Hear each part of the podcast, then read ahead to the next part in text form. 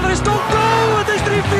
Ryan Top kopt hem erin. Voorbrengen, de goal van Philippe Clement. Goeie bal, Borkelmans, controle.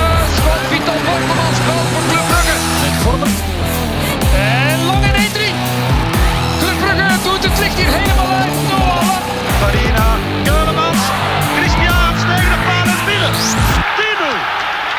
Dag beste luisteraars, welkom bij de achtste aflevering van dit seizoen van De Klokken, een voetbalpodcast voor en door Club Brugge supporters.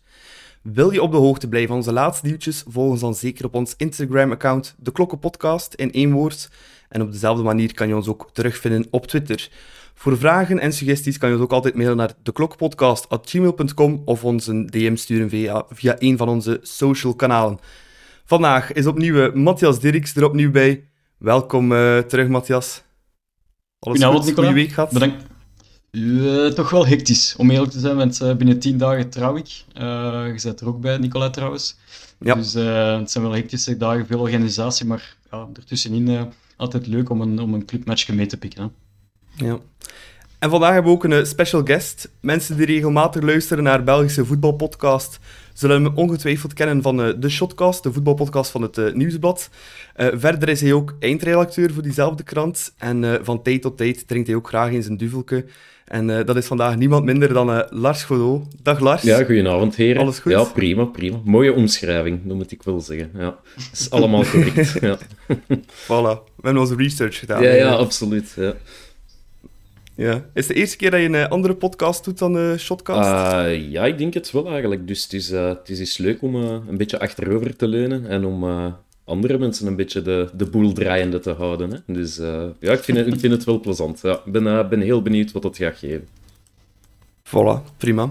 Dan kunnen we helemaal beginnen aan de, de podcast. En daarvoor gaan we eerst een weekje terug in de tijd. eh, voor de Champions League verplaatsing naar eh, Manchester City.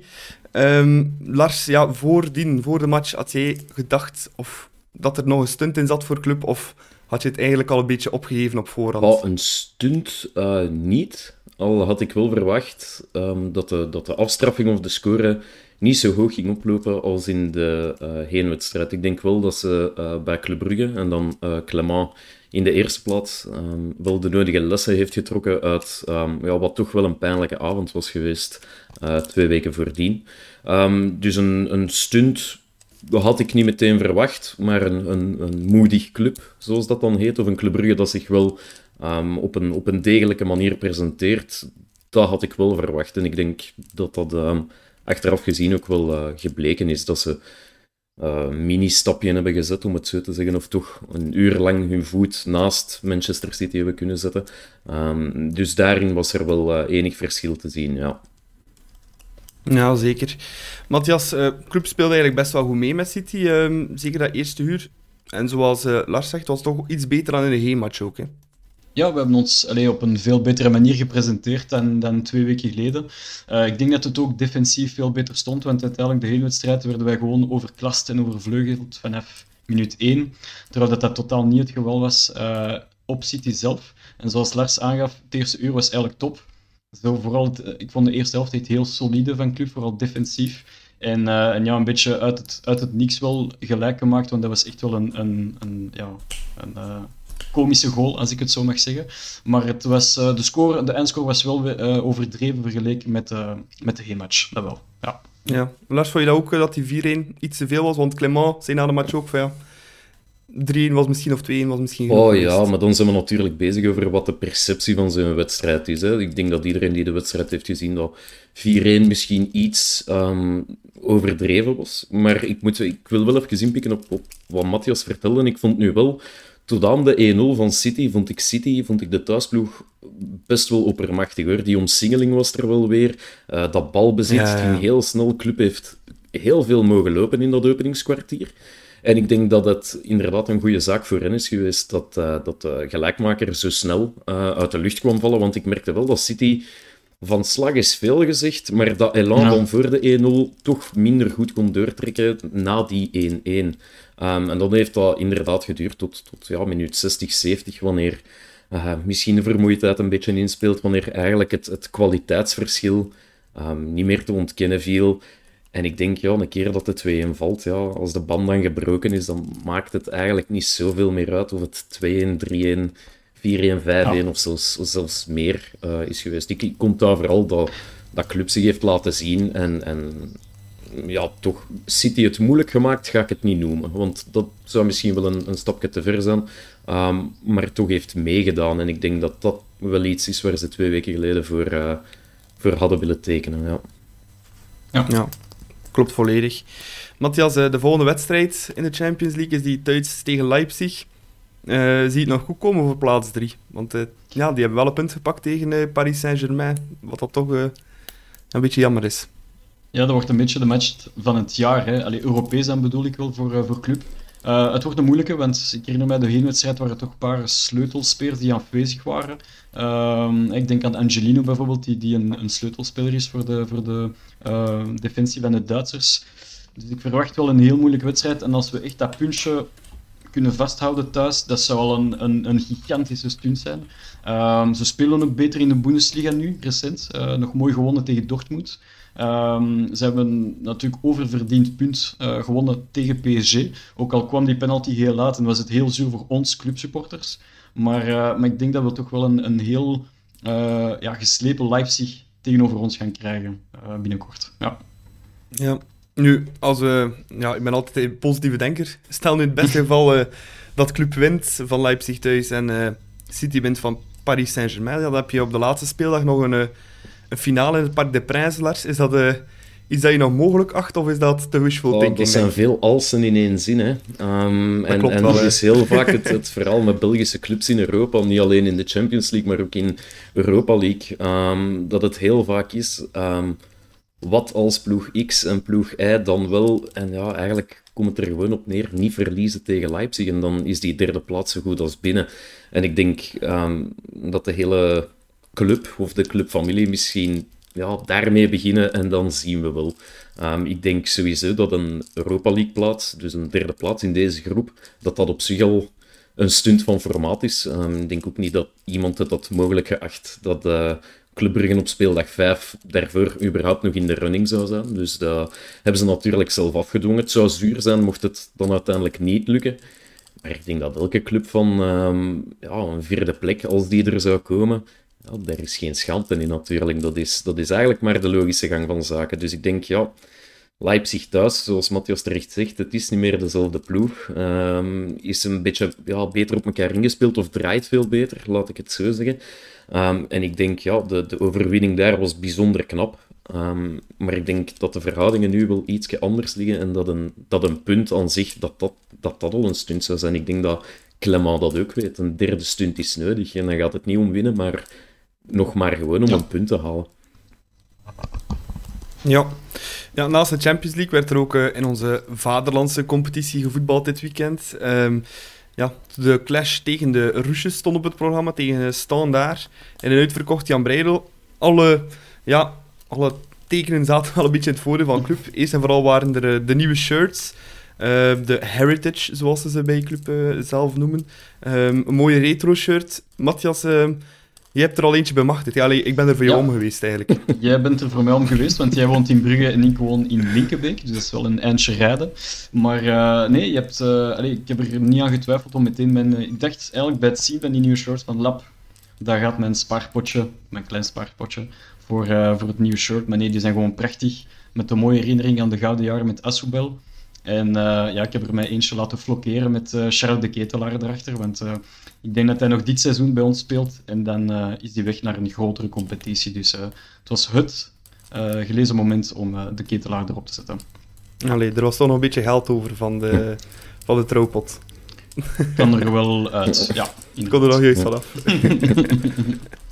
Of vond je ervan, Lars, van die nieuwe shirts? Uh, ik vond het wel... Uh, ben je niet echt een shirtliefhebber? Ik, ik ben geen uh, shirt-verzamelaar, alleszins. maar sowieso een specialeke, dat mag natuurlijk wel. Zeker ehm, als het dan retro is. Als ik het heb over specialekes, dan heb ik het niet over de, de fluo-kleuren of de kleuren die niet vaak iets met, met, met club te maken hebben of met anderlicht te maken. Zo die hele speciale derde shirts hebben heel vaak de neiging om... om compleet zot te gaan. Ehm, dus een retro shirt met ehm, ja, de 130-jarige verjaardag, heb ik me laten vertellen, van, uh, van Club Brugge. Ja. Om uh, daar die rijke geschiedenis nog eens in de verf te zetten. Ik kan dat wel smaken. Het hoeft niet elke week, maar zo ene keer um, per seizoen. Waarom ook niet? Hè? En ik ben er ook wel van overtuigd dat, dat die dingen uh, verkopen als zoete broodjes eigenlijk. Ja, ik stond, ik stond in de clubshop in het stad en het was uh, niet normaal. De ene aan de andere in uh, shirtje en ook tijdens de wedstrijd enorm lange rijen ook aan de clubshop. Dus ik denk dat ze commercieel gezien daar wel geen slechte zaak gedaan hebben. nee, nee dat waarschijnlijk bij club. niet. Het is ook wel de vraag of dat ze dat eenmalig gingen gebruiken tegen de Roesjes, echt voor het 130-jarige bestaan, of echt officieel als derde tenue voor de komende wedstrijden zien. Maar dat, is, dat was nog niet helemaal duidelijk. Ja. Ja, ik hoop dat ik dat nog zie, maar ik vond het wel mooi eigenlijk, ook op het veld. Ja, dat wel iets, vond ik. Zeker, ja. Yes. Ja.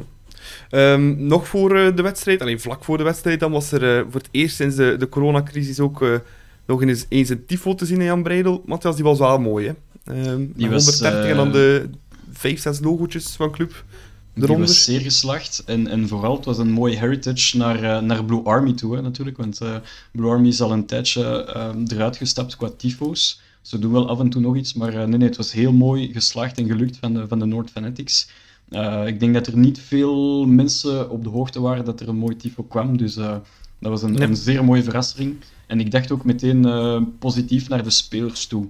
Voor, voor aanvang van de wedstrijd. Ja, ja denk ik het ook. Het was wel leuk om nog een keer eens, eens te zien. En volledig in de Noord ook. volledig vol. Dat geeft toch een extra sfeer. Hè? Als je in het stadion zit, Lars, jij was er ook... Uh, ik was er ook. Er had, uh, een, uh, een, vriend van mij die had vier tickets um, voor in de Oosttribune, boven, vak 321 als ik me niet vergis. Dus um, ik ben meegeweest omdat hij wist dat ik hier vandaag te gast moest zijn. Dus dan dacht ik, ja, waar beter zitten dan op Jan Breidel zelf om die wedstrijd te tuurlijk, tuurlijk. Um, maar ik moet wel bekennen dat ik iets te lang aan de Olympus, als ik het goed heb, heb gestaan. en dat ik dus eigenlijk na, na de tifo pas in het stadion was. Dus het enige Oei. wat ik van de tifo heb gezien, uh, zijn de proppen die uh, als vanouds naar beneden uh, werden gegooid. Ik heb daarna dan de foto's en de beelden gezien. En ik moet zeggen, ja, het, was, het was veel te lang geleden. Want ik denk wel dat er, ja, er zijn weinig clubs in België die um, zoveel tyfo's of zo'n mooie tyfo's um, maken dan, dan de supporters van Club Brugge eigenlijk. Het wordt heel vaak gedaan, heel grote ja. spandoeken op staan. Daar uh, hebben ze een aantal tyfo's gedaan op Anderlecht. Uh, in Gent zal het ook al gebeurd zijn, in Genk. Maar ja, Club Brugge blijft, wat mij betreft, qua die beleving, qua tyfo's, blijft dat toch een beetje de standaard in België.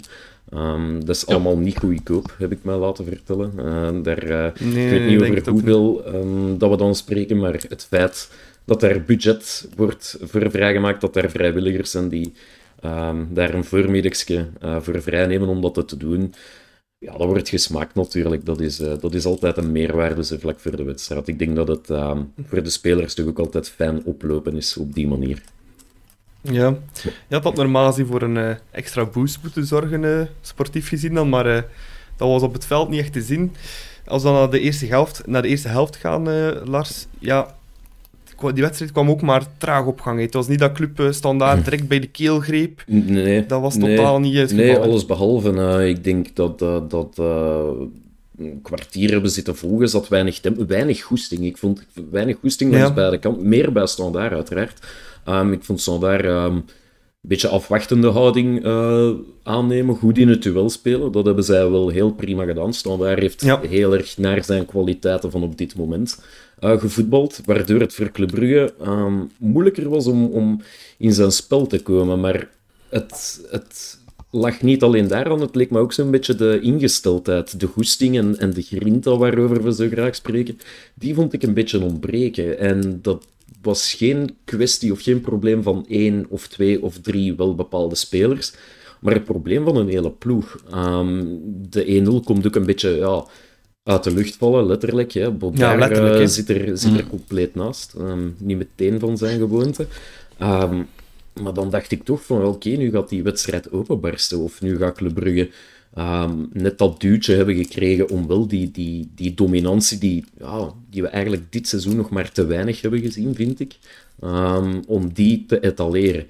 Uh, en dat kwam er niet van. En het, was, um, het heeft eigenlijk een hele wedstrijd door wat, wat voortgekabbeld, om het zo te zeggen. Ik vond het, voor een topper te zijn met vier goals, vond ik, vond ik ja, weinig opwinding in die wedstrijd. Ja, weinig spektakel. Ja, weinig spektakel. En ik heb het een beetje de, de wedstrijd genoemd van, uh, van nul kansen en vier goals. Omdat vier goals is eigenlijk voor die wedstrijd uh, een beetje te veel van het goede. Het is leuk om die goals ja. te zien. Maar spektakel was het allerminst. Uh, zeker in de tweede helft. Um, Standaard komt dan langs zij.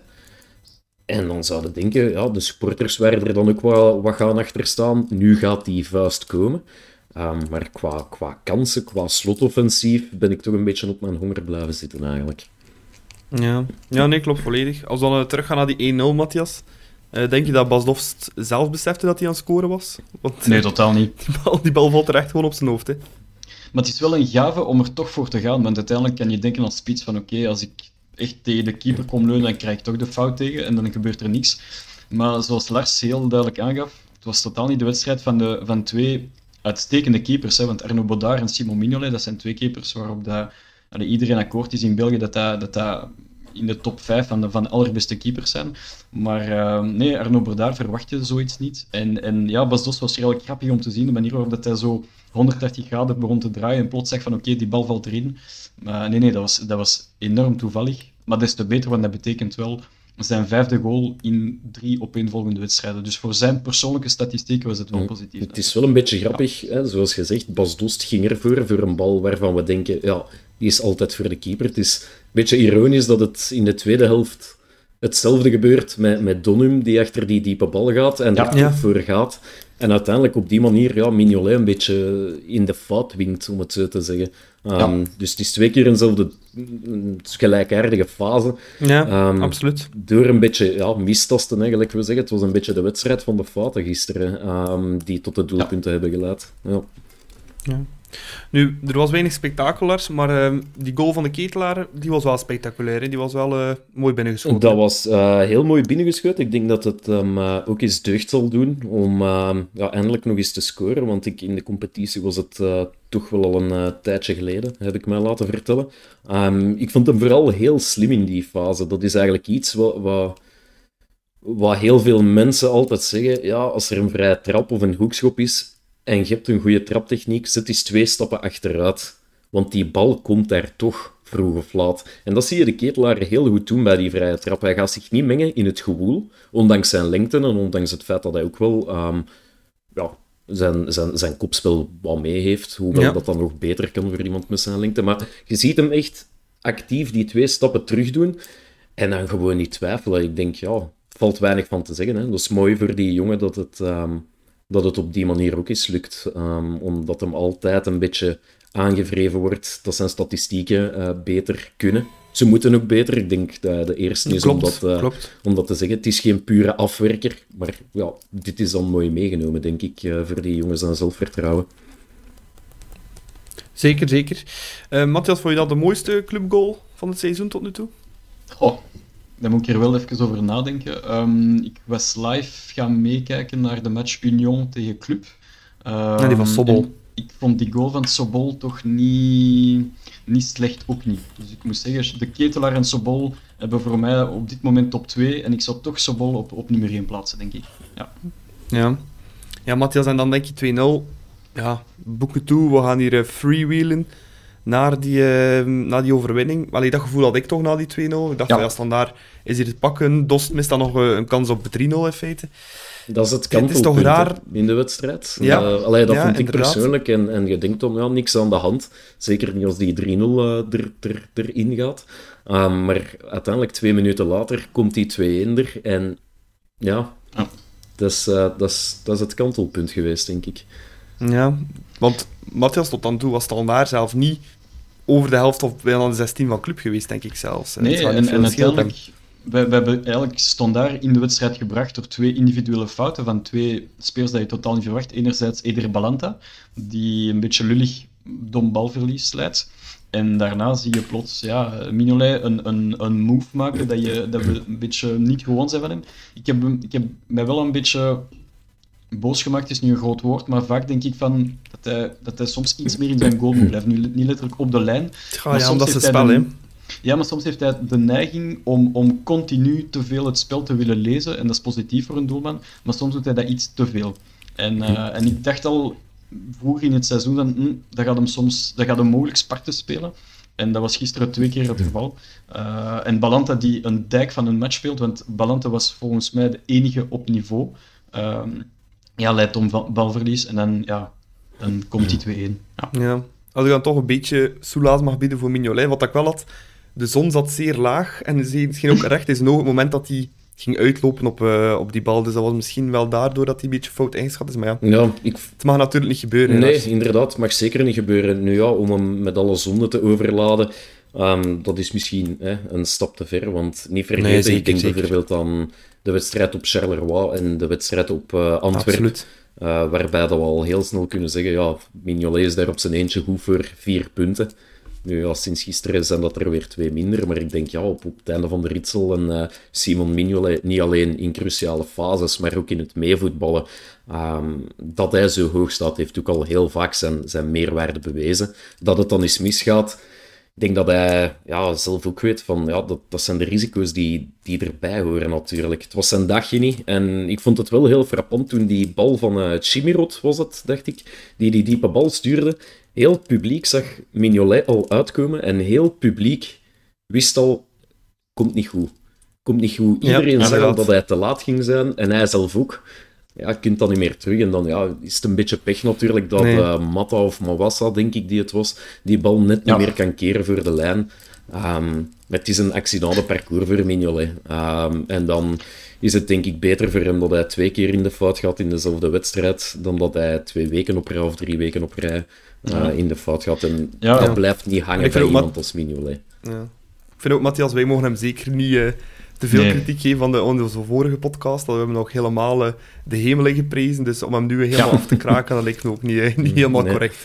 Als, er nu, als er nu één iemand de, de fout in kon gaan tegen Standaard, dan is het wel Mignolet. En, en zoals Lars aangeeft, je voelt dat het fout gaat. Ik verwachtte wel een, een tackle en een rode kaart.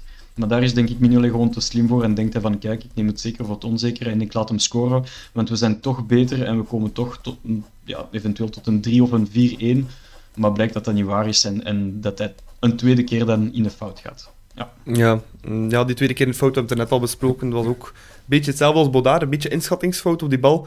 En ja. uh, toen we een beetje denken aan ooit die fase tussen uh, de testwedstrijden tussen Anderlecht en Standaard, met Bolat, die uh, ja.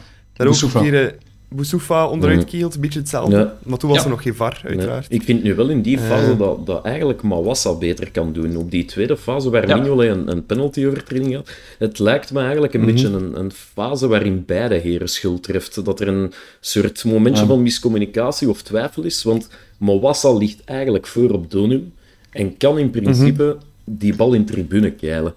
Maar omdat hij twijfelt en omdat misschien, ik, ik, ik weet het niet, misschien heeft Mignolet geroepen, ik kan er wel bij. Um, maar ik, ik denk dat daar Mignolet mm. iets minder schuld heeft dan bij die eerste goal. Ik denk dat, daar, dat hij daar misschien beter geholpen had kunnen worden door een van ja. zijn ploegmaats. Maar bon, dat is uh, mijn mening, maar ik, ik, ik, weet niet wat er gezegd of geroepen is natuurlijk. Um, op dat ja, moment. en, en Donum speelt het spel heel slim, want hij zet zijn kop echt letterlijk tussen Mawassa en Mignolet, waardoor dat Mignolet in plaats van de bal het hoofd van, van Donum raakt. Mm -hmm. Dus dat was opnieuw, zoals Lars zei, Dost ging ervoor, Donum ging ervoor. En Mawassa heeft het, heeft het gewoon slecht gedekt. Hij is ook klein, waardoor dat Donum zich net kon wringen tussen, tussen Mignolet en Mawassa. En dat leidt tot de penalty. Het was ook ja. overduidelijke penalty trouwens. Ja, absoluut. Ja. Nee, zeker. Daar, daar, valt geen twijfel over. Uh, daar valt geen twijfel over te maken. Hè. Nee. Dat was zeker een strafschop. Ja, meest, hetgeen dat mij dat meeste frustreert in zo'n wedstrijd, Matthias, is dat je dan nadien ja, op één vrije trap na gewoon niks meer kreeg. Want het was nog ja. 14 minuten. Je zou denken, ja, vuist maken naar voren. Um, heb je daar verklaring voor? Want ik heb gehoord daarnet dat je ook een beetje in de statistieken bent gaan, uh, gaan ja. duiken van de wedstrijd. Ik heb, uh, ik heb ze hier boven mij gehaald. Um, nee, inderdaad. Um, de meest geslaagde dribbles van de hele match uh, van gisteren was, kwam van Eder Balanta. En daar stel ik mij toch wel een paar vragen bij. Uh, als je ziet dat er uh, Van Aken, de Ketelaar, um, allee, zelfs Inias van der Bremt, allee, er, zijn wel wat, er waren wel wat creatieve spelers op, op het veld. Um, Dost heeft 12 van zijn 17 kopduels gewonnen, dus hij heeft een, een redelijk goede wedstrijd gespeeld. Maar niemand ja. liep door. Dus dat was echt de, de, de instructies van Clement van oké, okay, gooi lange ballen op, op uh, Bas Dost, maar niemand ging erachter lopen. Want als aanvallende spelen moet je toch wel een beetje inspelen op wat er gaat gebeuren als Dost zo'n kopbalduel wint.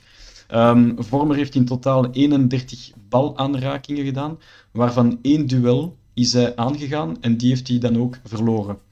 Oei, Dus dat is wel een... eh, 65 dat is wel frappant. wel- dat is frappant. Dus we kunnen... Ja, Vormer wordt meer en meer een, een, een alibi-loper, is nu wel heel negatief eh, gesteld, maar dat hij veel van zijn eh, panache en van zijn eh kapiteinsgehalte heeft verloren, dat vind ik nu wel. En Vormer mag nooit meer drie, drie wedstrijden na elkaar titularis spelen op één week tijd. Dat kan hij gewoon niet meer aan, dat ook aan alles. Ehm club heeft onder Philippe Clement de voorbije 20 matchen 33 op 60 punten gescoord. De laatste 17 matchen tegen de G5 21 op 51. En recent nog de tweet gelezen van Jarno Berto. 3 op 12 onderlinge duels van club dit seizoen tegen de G5. Met zo'n statistieken eh, word ik niet per se vrolijk van, moet ik toegeven.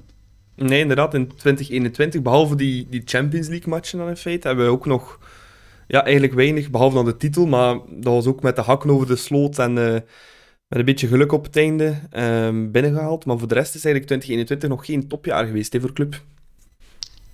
Nee. Nee, nee, het, is, ehm, het, is, het is zeker een fantastisch jaar geweest. En, en sinds de bekeruitschakeling tegen Standaard en, en de uitschakeling Europees tegen Dynamo Kiev hebben wij nog geen echte referentiewedstrijden of glansprestaties gezien van club, behalve dan PSG en Leipzig. Want uiteindelijk vorig seizoen was het echt ja, met de hakken over de sloot net wel kampioen geworden. Maar dat was echt meer een oef, het is gelukt, dan iets anders. En dit seizoen, ja, misschien een, een uitschieter op Zulte Waregem 0-5, 0-6 gewonnen.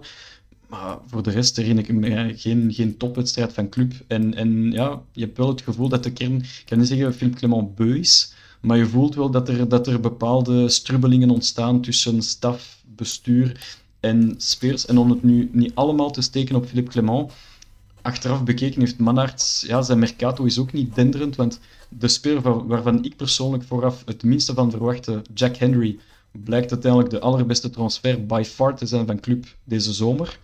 En de andere spelers, behalve Ensoki, als hij gefocust is, hebben er nog totaal niks aan. Soa, Otasoi, Mawassa, Wesley, Izquierdo, eh Nusa zal er wel komen op termijn, dus daar geloof ik wel in. Maar ja, de mercato van Mannaerts, dat zag er goed uit op papier, maar de realiteit is nu ook niet super. Ja. Wat dat ik ook ehm, raar vond gisteren in die match, ja, die brengt dan drie wissels, Lars. Ja, en, en die brengen eigenlijk weinig tot niks bij. Hè. Izquierdo, ja, die kan geen man meer voorbij, heb ik de indruk. Of die zit nog te, fysiek nog te ver achter. Mhm. Eh, Mats Rit was ook, ja, bleekjes ingevallen. Eh, en wie was de derde invaller? Ik kan hem nu niet direct voor de geest halen, maar het zal ook geen... eh Rika. Eh, Ja. Rika, ja. Ja. Allee, het, het is toch raar, als je dan wissels doet, dan verwacht je dat hij toch die extra impuls geeft, maar dat was totaal niet eh, hetgeen dat ze Nee, brachten. ik denk dat er ehm, bij Skirdo in het geval van gisteren een beetje gerekend werd op een, op een flits, eventueel. Ehm, ja, in het geval van Rits denk ik dan, ehm, met dat Matthias wel eh, terecht zegt, Vormer ehm, zat er een beetje door. En wat een van zijn grote sterktes is geweest, namelijk zo die agressiviteit, die duelkracht, die, die nooit aflatendheid, dat hij die gisteren niet kon brengen, ehm, is een beetje een teken aan de wand. Ik denk dat Clement daar ook op ingespeeld heeft door Rits te brengen, die toch eh, veel meer dan de vormer van vandaag eh, infiltratievermogen heeft. ehm, dat hij daar misschien een beetje op gerekend had met de vele ballen die Dost eh doorkoepte. Ehm, maar inderdaad, die extra offensieve impuls, ja, die is er eigenlijk niet. Wesley Izquierdo, ja, niet echt bepaalde meerwaarde. Ehm, ja, het ontbreken van lang is daar natuurlijk ook niet vreemd aan. Ik denk, of ik hoop alleszins voor club, dat die eh, Mercato zichzelf nog een beetje herstelt. Want we hebben natuurlijk ook nog eh, de huurling van AS Roma, eh, Providence. Ja, ja. We hebben ook de, de Amerikaan, de Canadees, die nog eh, moet toekomen. eh Buchanan, als ik mij niet vergis. Die ook kennen, dus die ja. zitten natuurlijk Daar verwachten we heel veel van die, nog. die, ja. die laat naar het schijnt heel veel mooie dingen zien. En ik denk dat die wel nodig zijn, want eh, momenteel, en zeker de laatste weken en maanden bij uitbreiding, is alles een beetje op de kop van de ketelaar en lang terechtgekomen. Ehm, terwijl Club Brugge een, een, een, in de breedte een, een geweldig grote kern heeft. Ehm, maar ook kwalitatief is dat, zou er eigenlijk al veel meer gebracht. Ehm, Ja. Mogen geweest zijn dan, dan tot dusver het geval was. Tuurlijk, het is wel een beetje zo. Ze hebben, ze hebben het vooraf gezegd, ze hebben in de zomer gezegd, kijk, tot in januari gaan we volop focussen uh, op Europa. En ik denk dat dat daar een beetje een, een, een gevolg van is, dat het in die competitie voor die spelers op dat moment misschien ook wel wat moeilijk is om die klik even te maken van oké, het is maar tegen Charleroi, om nu één voorbeeld te nemen. Um, Alleen moeten ze er een beetje over waken natuurlijk, dat die, dat die laksheid, om het zo te noemen, die gisteren toch wel heel aanwezig was, um, dat dat geen tweede natuur uh, wordt. Hè. Uh, winnen tegen Leipzig en een punt pakken tegen PSG, dat is zonder meer enorm knap. Um, maar het, het, het beste Club Brugge is inderdaad toch wel al een, uh, een tijdje geleden. En ik, ik hoop voor hen dat dat, dat, dat na nieuwjaar um, ja, toch nog goed komt. Want um, zeker in de toppers gaat het niet goed. Union is intussen... Ja, geruisloos is het niet, maar Union staat ondertussen vier ja. punten los. We hebben de... Uh, Antwerp staat daar op die derde plaats, zonder goed te spelen. Ja, het, het zal niet zo eenvoudig zijn voor Club Brugge, of niet zo eenvoudig um, als de afgelopen twee jaar. En heeft dat dan een beetje met moeheid te maken, een beetje uitgekeken zijn op Clement? Ik ik zou het niet durven zeggen eigenlijk. Ik zou het niet durven zeggen. Maar dat club veel beter uh, moet en kan, dat lijkt me wel duidelijk eigenlijk. Ja, zeer zeker. Uh, en dat, zo denkt het ook het, uh, het bestuur daarover, Matthias. Want als ik het goed gehoord had, zijn er geruchten geweest dat zowel Manhart als Bart ja. Vragen nadien in de kleedkamer zijn geweest hè, na de match voor ja, toch dus, een zegje eens te doen blijkbaar hartig woordje, maar ik denk dat het wel nodig is. Uh, ik denk dat natuurlijk, alleen Manhart moet ook een klein beetje in eigen boezem kijken, want, want uh, ik stel mij vaak vragen bij de profielen dat, dat Clement wilt versus de scouten versus het bestuur, want daar klopt het denk ik niet altijd. Eh, Soa blijkt uiteindelijk meer een nummer 8 te zijn dan, dan een pure winger, terwijl we echt nood hadden aan een pure winger. Buchanan was natuurlijk het top target samen met Darami. Um, ging dan naar Ajax en Buchanan kennen wij het verhaal. Hè, natuurlijk, hij moest de MLS afwerken en daarna pas vanaf januari uh, naar club uh, verhuizen. Dus ik denk dat Buchanan een deel van de problemen gaat oplossen, want dan ga je meteen lang op links kunnen zetten en de ketelaren diep in de spits. En met dat trio zou je eigenlijk alles moeten kapot spelen, nogmaals op papier. Um, maar daar komt ook heel veel druk op de schouders van die jonge Canadees, hè, die plots naar Europa komt. Uh, dus ik verwacht er heel veel van, maar we mogen er ook niet te veel van verwachten, want um, ja, ik zie die pas echt beginnen pieken vanaf, vanaf play-off 1. Um, ehm, maar dat het bestuur kwaad is op Clement, ja, dat kan ik wel inkomen, want bij Clement heb ik altijd het gevoel van als het wat tegenzit, en ik denk Nico van Allen had daarover getweet uh, net na de wedstrijd, um, dat Clement vaak een, een probleem heeft om zijn troepen ja, van het echt een, een ander vaatje te laten tappen na de rust. En dat, dat moest eigenlijk, want het was 2-1. Je voelt ook wel dat standaard van, hm, er zit misschien iets in. En dan voel je gewoon in die tweede van, er zit niks meer in. Geen grijntje goesting, grint en niks, niks, niks. En, en dat is gewoon, ja, dat, dat, dat, kan, dat kan niet. Dus, uh, ja, moeilijk. Nu, ik vind het wel opvallend dat de bestuur net nu de kleedkamer binnengaat, want allee, het is nu interland bereikt, gaan 12 spelers weg. Lars, vind je dat ook niet een beetje een vreemde timing voor uh, dan nu net nog uh, de kleedkamer in te stappen als, als bestuur? Ik, vind, ik denk dat, ik vind dat eigenlijk niet slecht, zijn. meteen na een wedstrijd. Iedereen nog eens zeggen wat de, wat de plichten zijn van, uh, van een speler van Club Brugge. Uh, want als je het gisteren niet doet, vraag ik me af wanneer dat je het dan wel moet doen. Natuurlijk, als er vanaf vandaag 12 ja. spelers weg zijn, uh, kun je moeilijk op die wedstrijd terugkomen twee weken later of een week later. Klopt ook wel. Uh, dus ja, ik, ik, ik vind dat op zich wel frappant dat ze het, dat ze het gisteren dus blijkbaar gedaan hebben. Um, dat op zich vind ik wel frappant. Ik vind het niet onterecht. Um, maar dan vraag ik mij af, ja, heeft dat nog wel impact? Je kunt dat eigenlijk als bestuur kun je dat maar één of twee keer per seizoen doen. En ik vind dit nog wel redelijk vroeg om al eens um, van uw oren te gaan maken, natuurlijk. na een non-wedstrijd als gisteren is dat misschien wel gepermitteerd.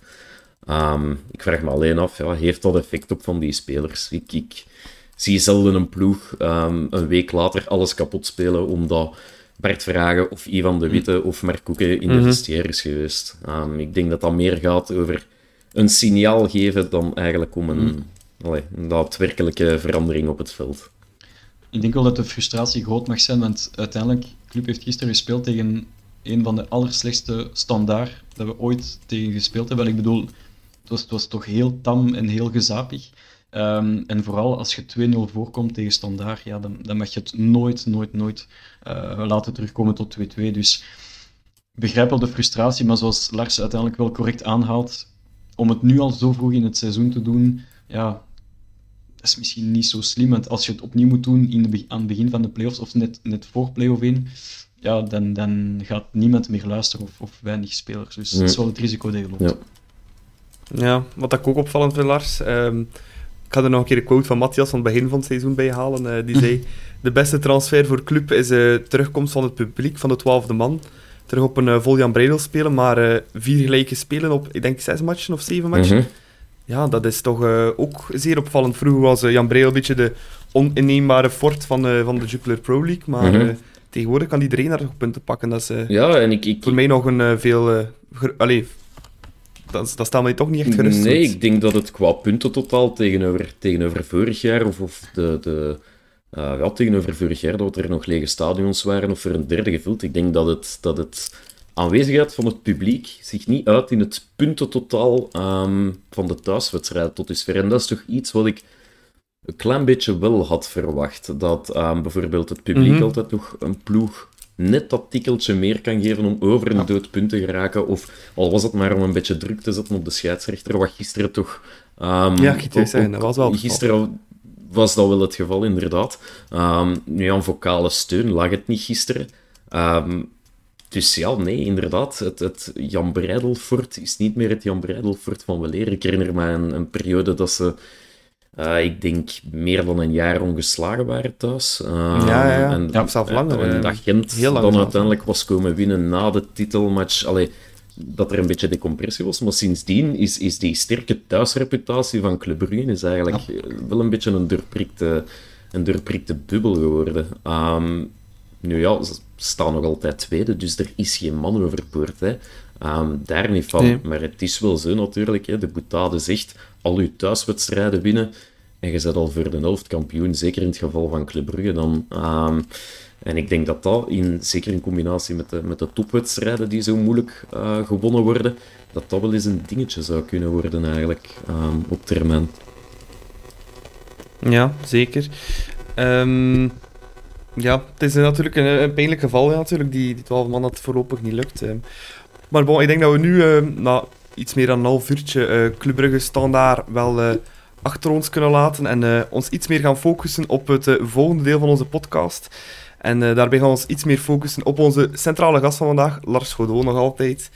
Um, we gaan beginnen met onze rubriek Bluffen Vragen, waarbij dat we Lars 10 dilemma's gaan voorleggen, waar hij ja, nee of een ander kort antwoord op kan antwoorden. Kan ook altijd passen, Lars, ja, okay. dat is ook altijd mogelijk. Um, ja. een, een joker. Een joker. Een joker. Een joker. Het er ah, meerdere. Dat is goed. Voilà. Ben je er klaar voor? Uh, ja, dan. Ja, zeker. Voilà. Ik zal uh, met de eerste starten. Um, podcasts maken of artikels schrijven? Uh, podcast dan maar. Ja. Is voetbal kijken voor je werk zo leuk als het klinkt? niet altijd.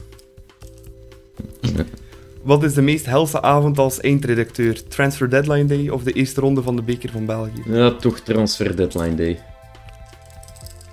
Denk je dat de club op weg is om, zoals Bayern München, om titel na titel te pakken in de Jupiler Pro League? Nee. Is Simon Mignolet nog steeds de beste doelman van België? Ja. In de Belgische Absoluut, ja. Had je aan het einde van vorig seizoen gedacht dat Clement nu nog trainer zou zijn bij Club Brugge? Ja, Um, stel dat Clement of dat club 0 op 6 had gepakt in de Champions League, had hij dan nu ter discussie gestaan? Nee.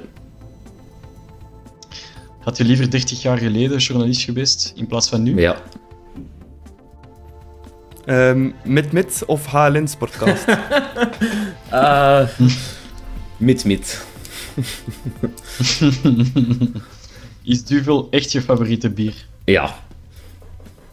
Voilà. Kijk, okay. dat waren onze dilemma's. Eh. Geen enkele joker gebruikt. Nee, bij de voorlaatste ja. heb ik wel even moeten twijfelen natuurlijk. Maar ik kon, kon onmogelijk halen zeggen natuurlijk. Ja, dus, uh, ja dat ja, was een beetje de moeilijke. Dat, ja. Begrijpelijk. Het is een beetje de pest en de cholera uiteindelijk. Ja, dat zijn uw woorden. Ik ga, ik ga de, de, de concurrenten niet met, uh, met vuile ziektes vergelijken. Uh, of toch niet in het openbaar. Ja, nee. voilà. Maar in elk geval, uh, bedankt om eerlijk ja, te antwoorden op onze, op onze rubriek Bluffen Vragen. Um, we hebben nu nog een aantal andere vragen voor jou, waar je iets uitgebreider op kan antwoorden, uiteraard. Mm -hmm. um, mijn eerste is eigenlijk, um, ja, je bent eindredacteur sport bij, bij het Nieuwsblad, maar alleen voor de leek die niet veel van journalistiek weet, behoudt die job eigenlijk precies ja, in? ik ga al wel direct naar uw, naar uw eerste vraag of naar uw tweede vraag. Uh, wat ik het liefste doe, podcasts maken of artikels schrijven. Um, verrassing, verrassing, een eindredacteur schrijft zelf geen artikels. Um, wat wij wel doen, is uh, de artikels die onze journalisten maken. Uh, in de eerste plaats lezen wij die na. Kijken wij, oké, okay, uh, wat zou een leuke titel kunnen zijn? Welk beeld gaan we daarbij verzinnen? Dus eigenlijk zijn wij een beetje de, de mensen die van de platte tekst die binnenkomt, hè, dat is dan een, een soort tekstdocument, een Word-document, zijn wij de, de mensen mm -hmm. die daarvan een complete krantenpagina maken. Dus dat gaat uh, oh, leuke titels, uh, toffe foto's, een beetje zien, ja, wat geven we meer aandacht, wat geven we wat minder aandacht op die pagina. Dus dat is eigenlijk wat een, wat een eindredacteur doet. Dus een beetje ja, de mensen achter de kranten koppen en de mensen die ja. uh, fouten in de krant laten staan. Als dat is gebeurd, dan uh, is bij ons dat je moet zijn en niet bijvoorbeeld bij mijn collega's Bert Laga of Jurgen Geril. Dan is dat uh, eigenlijk onze verantwoordelijkheid dat wij dat dan niet gezien hebben. Um, laat dat ja. voor eens en voor altijd duidelijk zijn. Wat, wat, is zo de pijnlijkste fout die je ooit hebt laten staan? Um, laten staan... Ik heb zelf een, een, een grote fout, alleen een, grote, ja, een vervelende fout gemaakt. Um, dat was uh, een verkeerde foto bij een artikel zetten. Um, ja, je moet weten, dus op uh, Fotonews en op Belga, bij elke foto staat er een, een lijntje uitleg. Hè. Wie zien we op de foto? Wanneer is die foto gemaakt? Uh, welke speler, welke club is dat? En ik had een foto van, van Brian Heijnen, die toen nog niet zo mm -hmm. heel lang bij de eerste ploeg van Genk speelde. Ik had gezien op, uh, op de site van, uh, van Belga, ah, foto van Brian Heijnen, kom, we zetten die erop. En dat bleek dan plots een foto van, ik wil er vanaf zijn, was het nu Rozovski of Torstvet te zijn? Ja, ik kende Heijnen nog niet. Uh, Rozovski en Torstvet waren er zelf ook nog niet lang. Uh, dus een dag nadien had ik wel een, een mailtje van onze chef voetbal, Lude van der Wallen, gekregen. Um, wat eigenlijk een, een, mail was van de, van de persdienst van Racing Genk, die eigenlijk niet zo opgezet waren met het feit dat ik ja, een van hun meest um, ja, uh, veelbelovende ja. talenten, hè, wat ja, Heijnen achteraf wel uh, bewezen heeft te zijn, ja, zeker. Um, dat ik ja, die verkeerdelijk heb afgebeeld in de krant. Dus dat is inderdaad Dat was een mailtje wel, van, van Peter Morwes. Uh, dat was toen nog Wil Willem...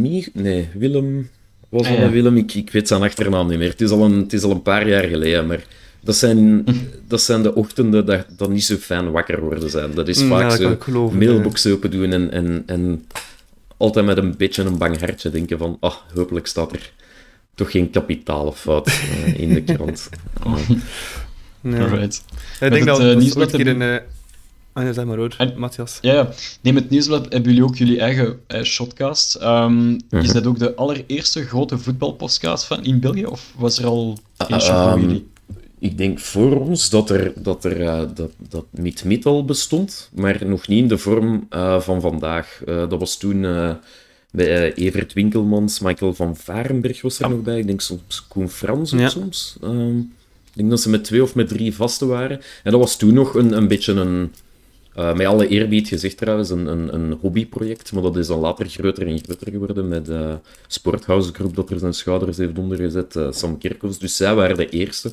Dat is eer wie ere toekomt. En ik denk niet zo heel lang daarna zijn wij ehm, gestart. En we hadden natuurlijk wel het voordeel toen dat wij ja, onder de naam van een krant konden van start gaan. Hè. Dus dan denk ik aan, aan kwestie van reclame maken, kwestie van een, een goede studio te hebben. Ehm, dat heeft ons wel geholpen. Ehm, om, En wie, ja. kwam, wie kwam er met het, met het idee om dat echt naar buiten te brengen? Van oké, als, als nieuwsblad zijn, dan gaan we nu onze eigen podcast. Ehm, ook daar alle eh, eer aan iemand anders, eh, aan eh, Gert en Guillaume. Hè, Gert Gijzen en Guillaume Mabe, mijn confrators, mijn vaste confrators. Ja. Eh, die zijn ooit eens ehm, ja, op, een, op een clandestine manier of op eigen initiatief bij de mannen van FC Afkikken eh, in Amsterdam. Eh, ze waren al even aan het spelen met dat idee en ze hadden gezegd, kom, we gaan gewoon eens een proefaflevering maken. Uh, en ze hadden mij uh, die doorgestuurd om te vragen, luister er eens naar, wat vind jij, wat kan er beter? En ik zei, ja, pff, met twee is eigenlijk wat weinig, ik vind dat je eigenlijk met drie moet zijn. Ja, ah, voor de dynamiek een beetje. Ja, voor de dynamiek. Um, ja, dat was een, gewoon mijn eerlijke mening. En zei, ja, we hadden dat ook al gedacht. En we hadden aan u gedacht om als derde man erbij te zijn. En zo is dat eigenlijk heel um, ja, natuurlijk ontstaan. We hebben dan nog twee proefafleveringen gemaakt. En dan zijn we naar hoofdredactie gestapt om te zeggen, kijk, die wisten van niks. Um, maar we hebben gezegd van, kijk, dit zou het kunnen zijn. Um, laat maar weten of we daar mogen mee verder gaan of niet. Die hebben dan groen licht gegeven. Um, als een soort van ja, proefproject, om het zo te noemen. We gingen eigenlijk eerst maar zes maanden die podcast maken. Maar uiteindelijk zijn we nu al ja, bijna drie jaar bezig, denk ik. Dus wat dat betreft, ja, eigenlijk een, een, een groot plan zat daar niet achter. Dat is eigenlijk gewoon drie, drie mannen die zich een beetje... Ja, verveelden ga ik nu niet zeggen, maar een keer iets nieuws willen proberen. ja, voilà. ja. Nee, super. Was dat voor jou een grote, grote overstap? Om, allee, ja, overstap aanpassing om van uh, geschreven pers naar, naar gesproken te gaan? Um, of, of ja, het is... vond je dat nog vrij makkelijk? Uh... Ja, het valt, valt, het valt goed te combineren. Nu, natuurlijk, het is wel iets um, helemaal anders in de, in de krant. Um, moet dat um, taaltechnisch allemaal juist zijn, wat in een podcast veel minder van belang speelt. En zeker, ik heb mijn accent niet mee, ik krijg daar ook geregeld een beetje uh, commentaar op, op mijn, mijn Brusselse R of mijn Brusselse O. Die... Ik vind dat juist de charme eraan. Ik, uh, ja, kijk, dat is aan, aan, aan mensen om te beslissen. Ik heb ooit eens het, het, het, uh, de beste vergelijking, ik vond die zelf wel grappig, die ik ooit heb gehoord, dat was um, dat ik klonk als Jeroen Meus met een stuk in zijn kloten. En ik vind dat best wel grappig, want het, het, ja, het, zit, het zit niet zo ver van de waarheid. Um, dus om maar te zeggen, dat is misschien wel het grootste verschil, is de, is de taal en het feit dat ik bij podcast um, wel mee insta voor de inhoud, wat bij eindredactie veel minder het geval is. Hè. Daar uh, ben ik bezig met de stukken van, van Club Brugge Watchers, uh, Bart Lagau, Junior Verbeke.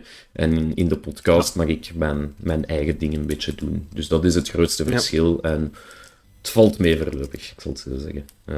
Ja, dat, is, dat is iets dat ik mij persoonlijk afvraag.